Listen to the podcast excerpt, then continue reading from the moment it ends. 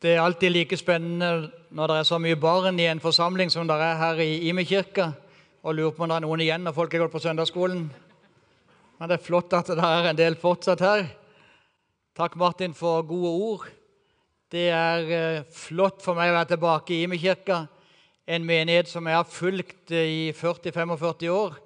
Fra den spede begynnelse nede i Bergelandsgata det het, eller noe sånt. Og det gamle bedehuset til det mellomstore bedehuset og til denne fantastiske stedet der jeg er nå.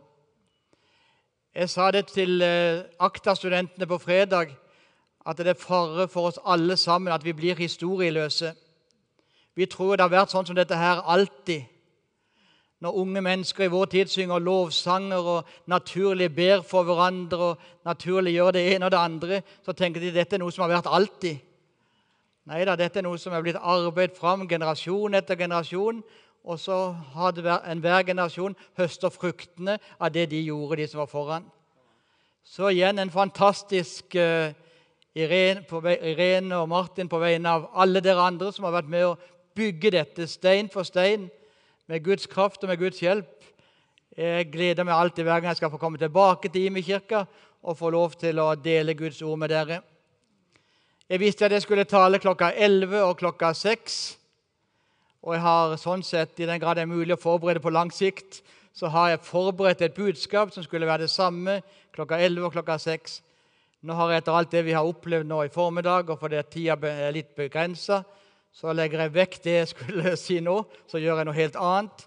Og så holder jeg den preken som er forberedt hjemme klokka seks, og da kan dere komme tilbake om dere har lyst. Det er reklamen da skal jeg snakke Da har jeg tenkt å snakke om eh, eh, viktige ting, om, eh, en slitesterk, om en slitesterk tro. Jeg har tenkt å finne ut litt med dere hva, vi, hva som holder ut fra mitt eget liv, men ut fra Guds ord.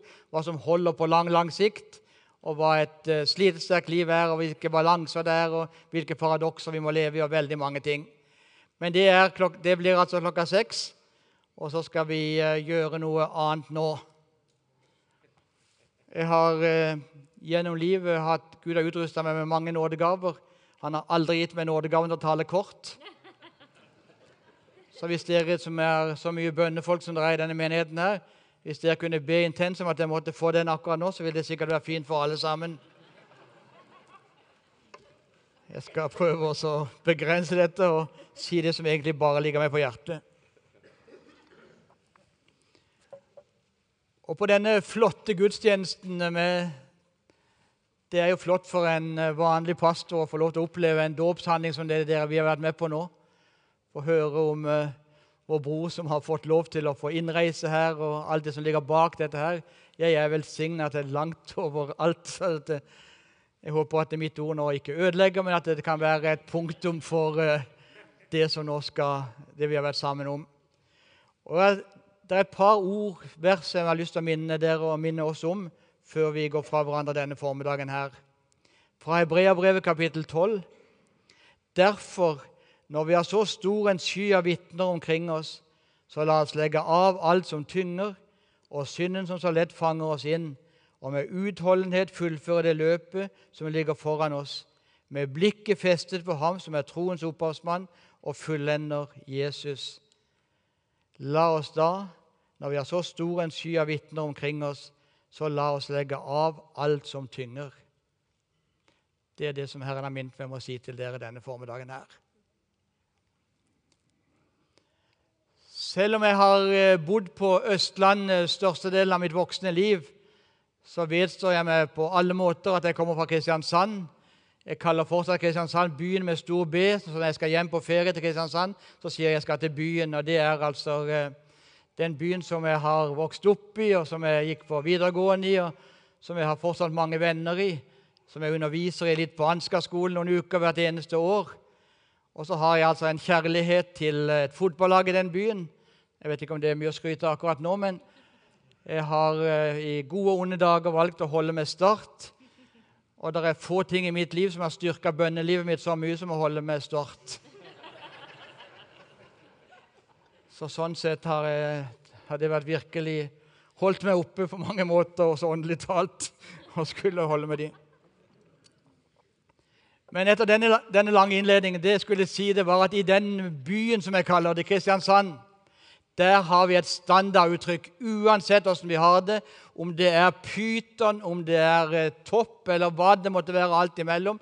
Hvis du spør en kristiansander, møter en kristiansander på gata og spør hvordan har du det, så sier han 'bare greit'. Det er bare greit. Sabla fint hvis han skal virkelig ta sterkt i, men ellers så vil jeg si det er bare greit.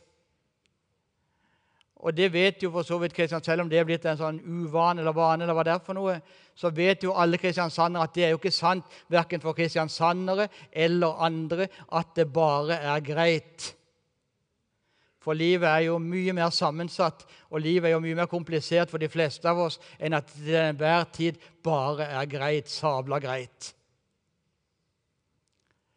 Og så har jeg begynt å tenke etter, og jeg tenker mange av dere kjenner det igjen om vi er aktive i en pinsekarismatisk menighet, om vi virkelig opplever Gud sterkt og godt gjennom året, om vi er litt mer på avstand, om vi velger å bekjenne troen på Jesus, eller om vi ikke våger å gjøre det, om vi er underveis, eller hvor vi er på hele denne skalaen, så er, li, så er livet sammensatt. Og Det som er felles for oss alle sammen, det er at det er veldig mange dager i løpet av et liv hvor det ikke er sant for veldig mange av oss at alt er bare sabla greit. Og jeg vet at Grunnen til at ikke alt er sabla greit, det er ganske sammensatt. Men jeg har kommet fram til at det der er antageligvis to hovedkomponenter om det vil være med meg noen minutter nå i formiddag.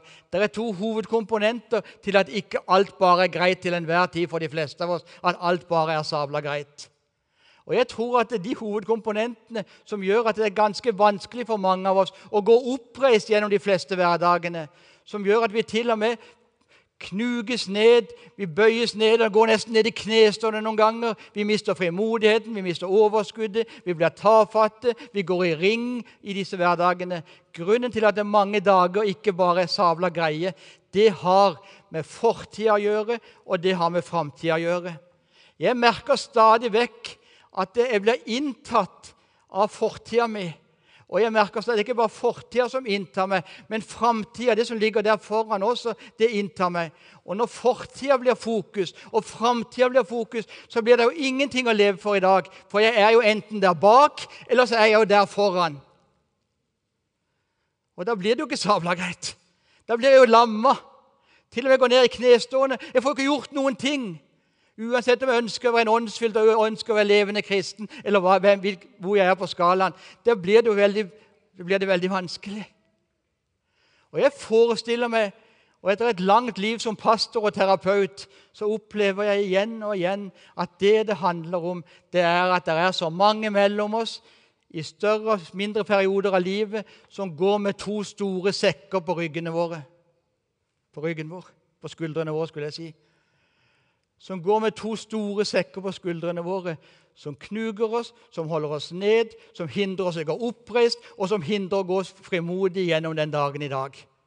Og den ene sekken vi har på ryggen, som hindrer oss å stå oppreist, for ikke å si gå oppreist og gå frimodig gjennom dagen, den ene sekken, den heter fortida. Og den andre sekken som gjør at jeg ikke får gått oppreist og levd oppreist i dag, den heter framtida. Og når fortidssekken blir for tung, og framtidssekken blir for tung, så er det jo ingen energi til å leve denne dagen i dag. Så styres jeg altså av fortid, og så styres jeg av framtid. Og så lammes jeg her og nå. Og Dette gir gjenkjennelse hver eneste gang når jeg snakker med mennesker i sjelesorg, i terapi, når jeg møter folk i forkynnelse, så er det dette som går igjen og igjen. Vi skulle, skulle ønske at dagen i dag var annerledes, og så spør jeg hvorfor. Så dras jeg inn av fortida, og så dras jeg inn av framtida. Fortidssekken, der ligger alt dette ubearbeidede og uoppgjorte. Der ligger alt det som jeg har forbrutt meg mot andre mennesker. Så håper jeg med ordene jeg har sagt, med gjerningene jeg har gjort, med holdningene jeg har hatt, som har skapt avstand, som har skapt eh, kulde, som har gjort det vanskelig å forholde seg til mennesker der bak. Og så håper jeg at en gang må du gå over. Det er jo så lenge siden nå. Og så tror jeg at tida leger alle sår, og så blir jeg tatt igjen når jeg minst av alt venter det. Fortida tar meg igjen så lenge den er ubearbeida. Eller det kan handle om de som har såra meg. og Når jeg merker, møter folk i det hele tatt, så er vi jo, så, vi er jo en såra befolkning, folkens. Vi er jo så sår, det er jo så mange som har såra oss og sagt dumme ting som de kanskje ikke tenkte på engang. Det er så mange som har gjort ting mot oss. Det er så mange ting som, mennesker som har vært urettferdige mot oss. Og så får vi ikke gjort noe med de sårene heller. Og så blir altså dette, det vi har gjort, og det andre har gjort mot oss, så blir det en gedigen energilekkasje. Vet du hva jeg tror at Et av de største problemene i norsk kristenliv det er den enorme energilekkasjen. Det er energilekkasje så det holder. Vi tappes for åndelig kraft, vi tappes for fysisk kraft, vi tappes for psykisk kraft fordi det er en energilekkasje så det holder mellom oss. Jeg hadde det privilegium for veldig mange år siden, enda flere år siden, å, ta en eh, pastoralklinisk utdannelse, altså en eh, terapeut-sjelssorgutdannelse, på Modum Bad. Og Vi var fem prester der som eh, var der i noen måneder for å skulle lære mer om terapi og lære mer om sjelssorg. Og Det var på den tida hvor Gordon Johnsen, han som starta hele badet og hele sykehuset, det var på den tida hvor han var gått av, og nå var han blitt husfar på Sjelsorghjemmet, eller Sjelsorginstituttet, hvor vi, vi, var. Og Gordon Johnsen han var en eh, god, gammel, vis mann som hadde masse kunnskap. Og Vi var så privilegerte at hver torsdag kveld i alle disse månedene vi gikk på kurs, så inviterte Inga Gordon Jonsson oss hjem til femretters gourmetmiddag. Vi fikk spise fantastisk måltid. Dere som har sett Babettes gjestebud, dere vet hva jeg snakker om. Det var, det var rett på rett og den deiligste rettene som han serverte. Det var såpass lenge før kvinnefrigjøringens tid at jeg tror ikke Gordon hadde noe med den middagen å gjøre. i det hele tatt. Men det er en helt annen sak. Men Inga lagde iallfall disse deiligste rettene for oss. Og så eh, etterpå det så satt vi bokstavelig talt rundt eh, Gordons føtter, Gordons føtter rundt peisen. Og han eh, delte fra et langt liv som psykiater med oss. Fem-seks ganger hver gang vi var sammen, så sier Gordon Johnsen det samme. Og så tenker jeg i alle dager eh, Begynner det å gå litt mot kvelden nå, Gordon? Du begynner å vippe over nå, for nå er det liksom det er grenser for å si det samme fem-seks ganger hver eneste torsdag kveld. Så jeg måtte spørre kurslederen vår, Per Frikk Høydal. Så sa jeg, Per Frikk, er det sånn at det går, den begynner å Går det litt sånn mot kveld? Vikker det over nå? Nei, nei, han er klar som blekk, sa, Per Frikk. Det er ikke noe problem med han i det hele tatt. Men hvorfor sier han det samme fem-seks ganger hver gang? da, sa jeg, når vi er sammen hver eneste torsdag? Vi er jo ikke så tungnemme. Jo, det skal jeg forklare det, det skal jeg forklare deg, sier Per Frikk. Dette er så viktig for Gordon Johnsen å få sagt til alle nye generasjoner som kommer etter han, og Derfor må han si det så han er helt sikker på at, det, at dere bringer det videre. Og Det Gordon Johnsen snakka med oss om fem-seks ganger hver torsdag kveld. Han snakka om det ubearbeidede, altså fortidssekken.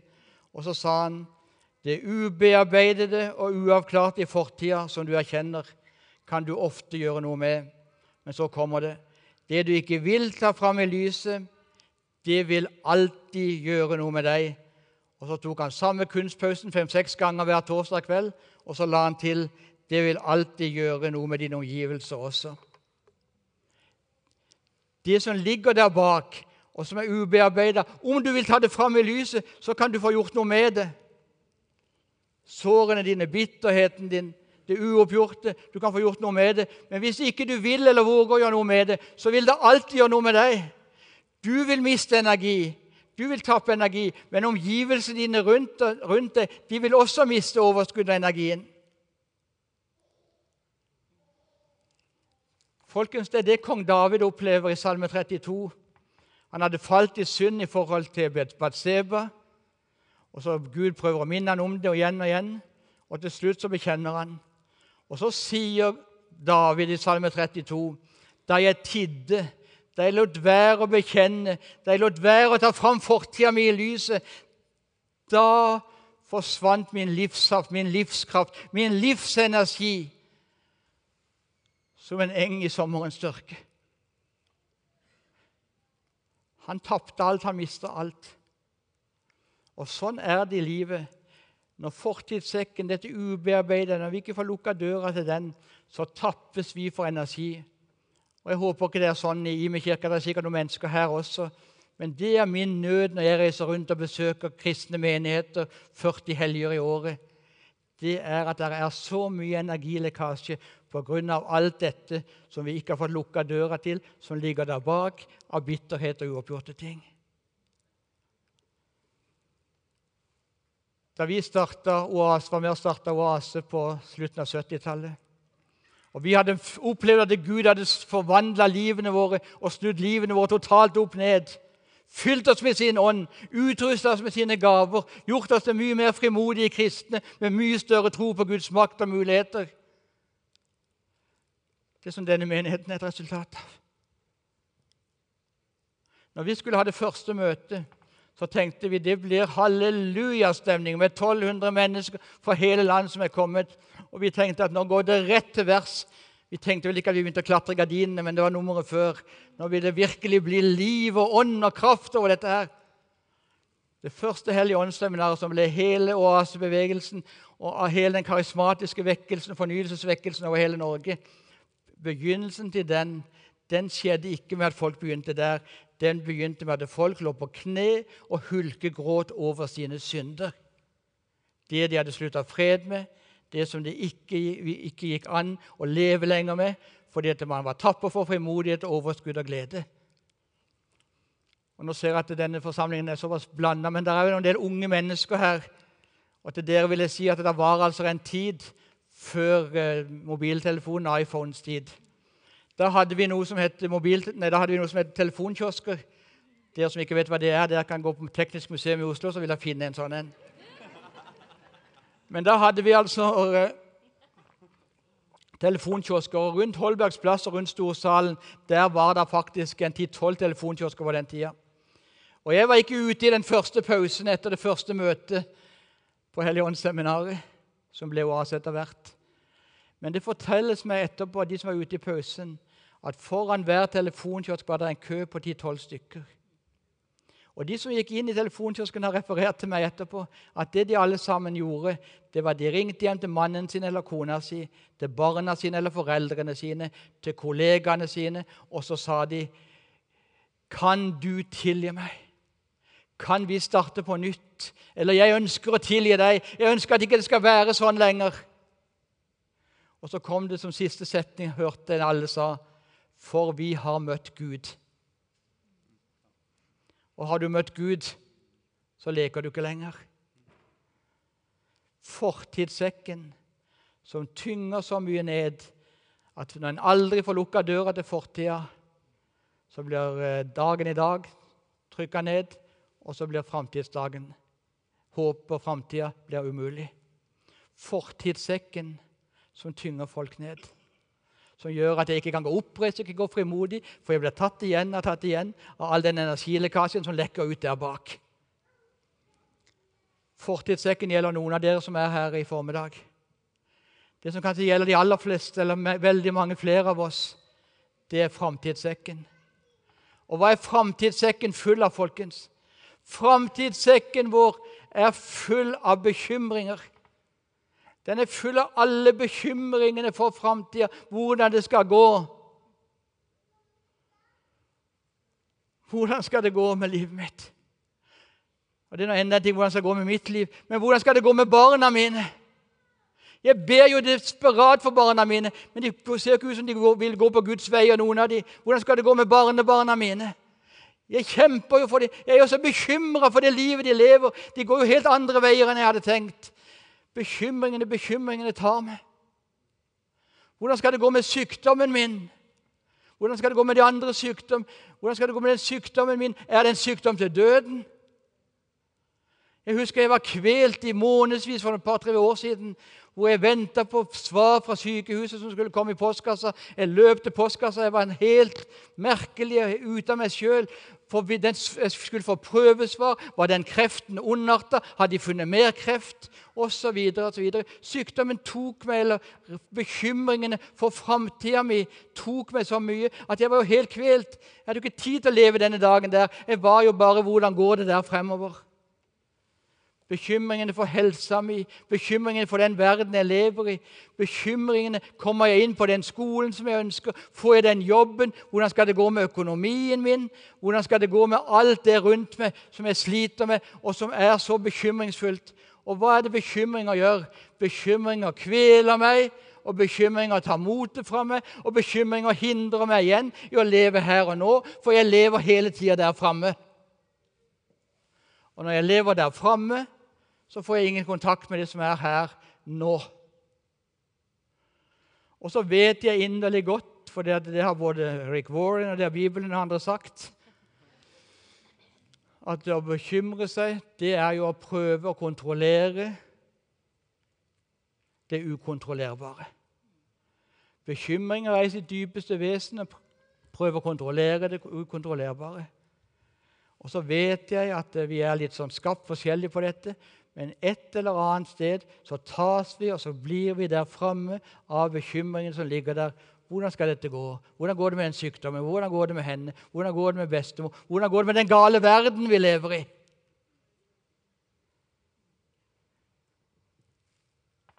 Og så er jeg der bak. Og så er jeg der i alle, beky alle bekymringene der framme. Og så lammes jeg. Og så kommer det en gjestepredikant fra Lørenskog. Og Det er jo, det er jo gjestepredikantens privilegium at han kan reise igjen med en gang. Men allikevel så sier jeg, og så står jeg her i all ydmykhet på Guds vegne, som representant for Jesus, og så sier jeg til dere det, som, det ordet som vi leste sammen. Når bekymringene for fort, nei, når fortida holder på å dras ned, når framtida holder på å få all oppmerksomhet og bekymringene for det som ligger foran, holder på å få all oppmerksomhet, så kommer ikke meg som predikant, men så kommer Han som har levd vårt liv, som har dødd min død, som har oppstått for, oppstått for meg, som har seira over synd og død og djevel og alt sammen, og som har all makt i himmel og på jord. Og han som skal sette den siste strek, historiens siste strek, han som har hele verden i sine hender, selv om det ikke alltid oppleves sånn, så kommer han, og så sier han Folkens, kjære venner i Ime-kirka denne søndag formiddag, la oss legge bort alt det som tynger og Det er det budskapet det er den settingen jeg har fått å bringe der denne søndag formiddag. Hvor enn du måtte være, hvor aktiv du er som kristen, hvor frimodig du enn måtte være, hvor mye du snakker, snakker om dette, men hvordan du egentlig har det. Til deg lyder det. Kom, la oss legge bort det som tynger. Og så sier han, du skal få lov, sier han som døde for deg og oppsto for deg, og som har all makt i himmel og på jord. Så sier han, du skal få lov til å legge din fortid i min tilgivelse. Du skal få lov til å legge alt det bekjenne, erkjenne, tilgi og bli tilgitt. Og så sier han du skal få lov til å legge bekymringene for framtida i mine hender. For der er ingen annet sted. Der er ingenting, sier Gud. Der er ingenting, verken død eller liv, verken sykdom, verken engelkrefter eller hva det måtte være. Der er ingenting som kan rive deg ut av mine hender. Du kan få lov til å legge fortida i mine hender, framtida i mine hender. Det er det tryggeste stedet i hele tilværelsen. Fortida i Guds tilgivelse, framtida i Guds mektige hender. Han som har kontrollen. Han som skal skrive det siste ordet i historien, han som har all makt i himmel og på jord. Han sier 'fortida i min tilgivelse, framtida i mine hender'. Og Hvis fortida er i Guds tilgivelse, folkens, og framtida med alle dens bekymringer og alle dens variasjoner av bekymringer ligger i Guds mektige hender. Da er dagen i dag fri, og vi kunne spleise for et halleluja. For hvis fortida er i Guds hender, i Guds tilgivelse, og framtida i Guds hender, så er dagen i dag fri. Og det er det bare Guds ånd som kan gjøre mellom oss. Og da er dagen i dag fri. Ikke bare til å leve for meg sjøl, men til å leve for Han som døde og oppstod for meg. Til å leve for noe større. Mange som ønsker å leve for noe større. Men hvorfor blir det ofte så vanskelig? Hvorfor blir frimodigheten så vanskelig? Fordi at man ikke har fått lukka døra til fortida og lagt det i Guds tilgivelse. Og fordi man ikke har fått kasta på nytt og på nytt bekymringene for framtida over på Herren. Og den Han døde for at de som lever, ikke lenger skal leve for seg sjøl, men leve for Han som er død og oppstanden for dem. Det er ikke veldig, så veldig mange ting jeg angrer i min predikantkarriere. Men jeg angrer at jeg var veldig sånn uh, sint og måtte smelle folk ut i evangelisering. Nå må vi evangelisere mer, nå må vi gjøre mer for Jesus. Vet du, På mine gamle dager så har jeg snudd det opp ned. Og så sier jeg, når det gjelder både å leve for noe som er større enn meg sjøl, på hvilket plan den måtte være, så sier jeg Hør, folkens. Du skal få slippe å leve for deg sjøl og bli lutfattig. Det er evangeliet om tjenesten. Jeg skal få slippe å leve for meg sjøl og bli mer og mer fattig. Jeg skal få slippe å grapse til meg og bare la alt handle om meg sjøl og bli fattigere og fattigere. Men jeg lever for Han som døde og oppsto for meg, og blir rik. En liten sånn spesialservice til alle oss som er over 60 år. Vi som har opplevd fjernsynets uh, begynnelse. Det var på den tida, det, Dette er også historieundervisning. Det var på den tida det var svart-hvitt-TV. Det var Dagsrevy tirsdag, torsdag og søndag. Og så var det fisker innimellom stort sett i akvarium. Og utenom de fiskene i akvarium, utenom Dagsrevyen tirsdag, torsdag og søndag, så var det et religiøst program hver onsdag. Og Det religiøse programmet hver onsdag med Sverre Tinno det var virkelig av det trauste slaget. Veldig traust. Det var én mann på én side av bordet, og så var det Sverre Tinno på andre sida, og så var det noen blomster i midten. Og så satt de og snakka traust i tre, et kvarter. Men det var et av de programmene som, som jeg som ung gutt uh, virkelig fikk tak i. Og Det var at Sverre Tinno intervjua en mann som hadde sitt, som hadde vært på Stillehavsøy som misjonær i et helt liv. Og Så han, uh, forteller han om et tøft liv. Han var 75 år. Han hadde lagt to barn i grav der ute, og alt var ganske tøft. Og Så spør Sverre Tinno et merkelig spørsmål til slutt. Så sier han navnet hans, og så sier han du, hvis du hadde fått livet i gave en gang til, hva ville du da ha gjort? Så han gir han det svaret som jeg har sittet med enda. Da sier han da ville jeg gjort det samme en gang til. Og så føyer han til, for det er bare én ting som gir mening, og det er å vite at jeg er på den plassen som Gud vil ha meg for mitt liv. Hvis du er på den plassen som Gud vil ha deg for ditt liv, få leve ut den pasjonen som Gud har lagt ned i deg, for å bruke dine evner og gaver, den utrustningen Herren gir med kraft fra det høye, så er du der hvor du kan si når livet ender ut Jeg vet ikke noe annet, for jeg var der hvor Gud ville ha meg. Folkens, det jeg inviterer dere til denne søndag formiddag, det er å komme inn i livets gode treklang. Og det finnes så mange mennesker som ikke lever i denne gode treklangen. Og når en mister den treklangen, så blir det uharmonisk, og det blir vanskelig alt sammen. Det er Olivets gode treklang. Den heter 'Fortida i Guds tilgivelse'. Framtida i Guds mektige hender. Og dagen i dag i tjeneste for Han som døde og oppstod for meg, for noe større. Lovet være Han. Amen. La oss be.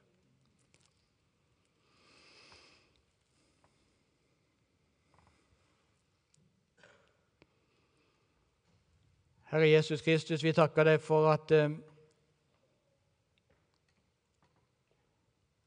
alle hverdager ikke behøver bare være dager hvor vi bare ser fremover og bare ser bakover uten å få gjort noe denne dagen her. Jeg ber deg helt konkret, Hellige Ånd, at du kommer til oss denne formiddagen og hjelper oss til å legge av det som tynger. At vi hører det som er et ord fra deg, Hellige Ånd, inn i våre liv akkurat nå på en sånn måte at vi kan legge av det som er der av synd og sår.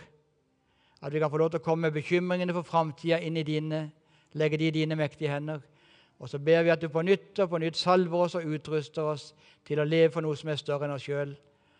Hjelp oss, Herre. Det er så mange mennesker rundt oss, i våre familier, i våre menigheter, på våre arbeidsplasser, som trenger at vi ikke lammes av fortid og framtid, men kan settes fri fra begge i ditt navn, Jesus, og få lov til å leve deg til ære og mennesker til gavn. Lovet være du. Amen.